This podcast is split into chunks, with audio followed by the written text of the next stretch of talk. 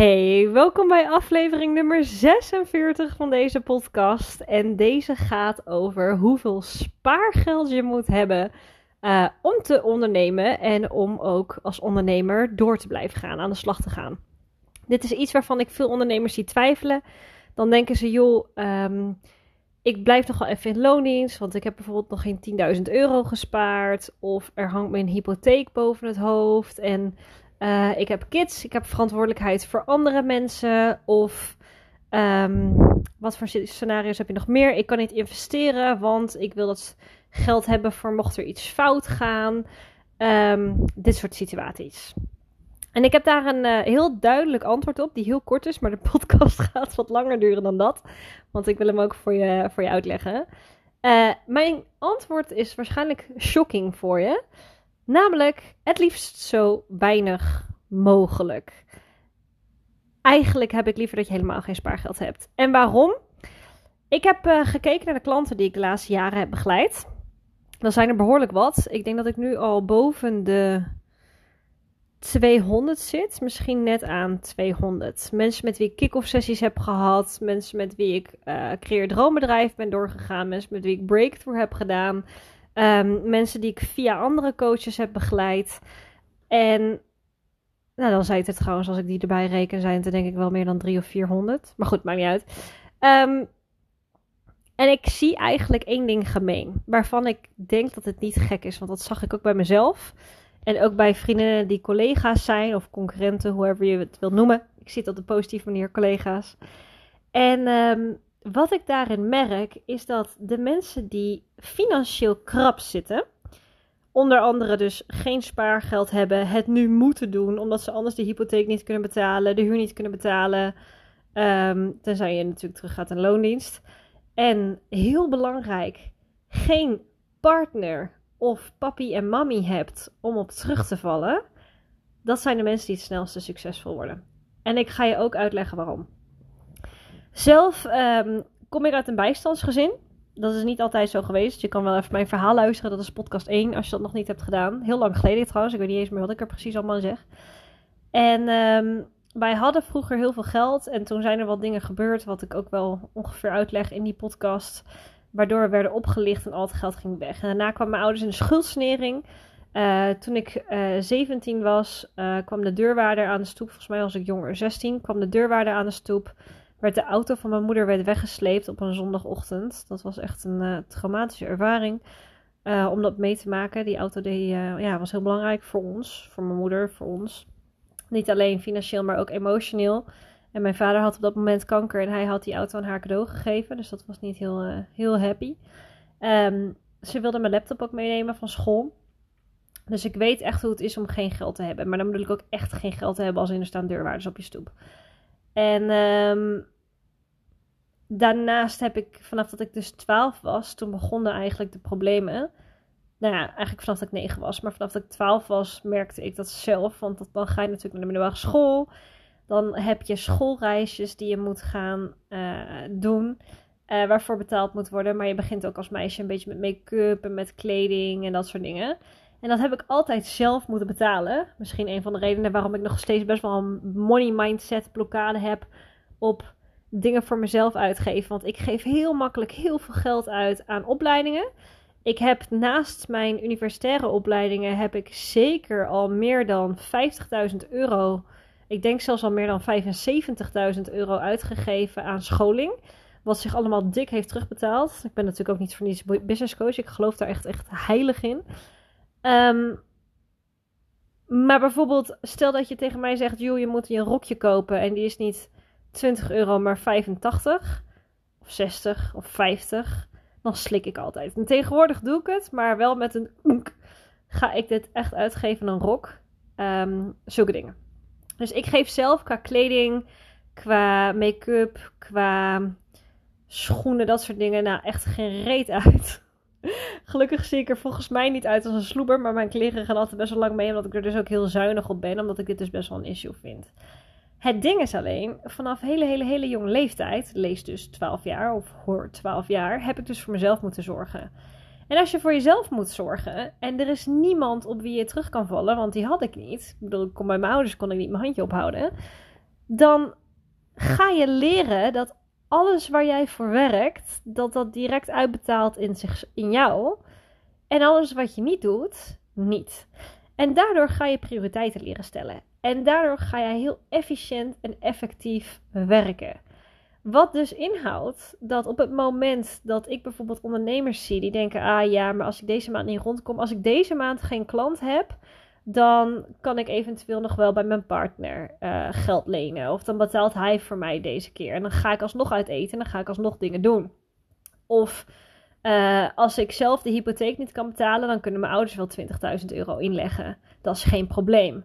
Dus zo'n hoge omzet hoef ik niet te hebben om de hypotheek te kunnen krijgen. Dit soort mensen, noem, ik noem je even een mens.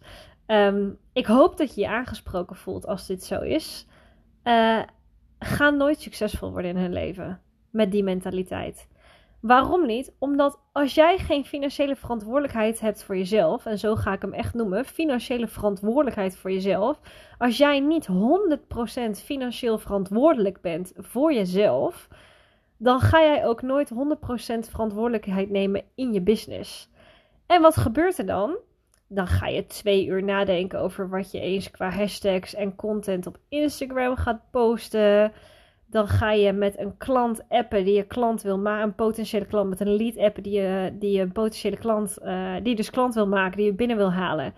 En dan ga je eerst hebben over koetjes en kalfjes. En dan gaat er een gesprekje heen en een gesprekje weer. En een gesprekje heen en een gesprekje weer. Dan zit je na te denken, ik weet niet hoe ik nou dat aanbod moet doen. Hoe zou ik dat formuleren? Nou, ga ik nog even een nachtje over nadenken. Als jij niet rond kan komen, dan heb je deze gedachte niet. Dan denk je: oké, er moet een nieuwsbrief uit, een Instagram post uit. En ik moet tien mensen berichten waarvan ik hoop dat ik er met drie een gesprek in kan plannen waarvan er één sowieso klant wordt. Oké, tak, tak, tak, tak, tak, tak, tak, actie. Want als ik volgende week niet minstens 1000 euro heb omgezet, dan is dat macaroni en kaas deze week. Snap je? Als je dat hebt, dan ga je wel. En dan verspil je je tijd niet dus met de bullshit waar ik het net over had. Want al die excuses. En kijk, tuurlijk, je moet in de flow komen en je moet het voelen en weet ik veel wat. Maar geloof mij, als je moet, dan voel je het wel. En ook al voel je het niet, dan ga je wel. En, en dat is dus zo belangrijk aan de mensen waarvan jij dus denkt dat ze succesvol zijn, waar ik waarschijnlijk bij zit. Terwijl ik, ik, ik vind dat ook van mezelf. Weet je, ik heb het best wel goed voor elkaar op mijn 27ste, heel eerlijk gezegd. Ja, waarom is dat zo? Omdat ik geen seconde denk. Straks vindt deze persoon me niet aardig. En dan komt dat niet goed over. Dat wil ik niet. Interesseert mij het of je me aardig vindt of niet? Ik heb mijn huur te betalen. Snap je? Ik wil een huis kopen. Ik heb een hond te onderhouden. Ik heb een kat te onderhouden.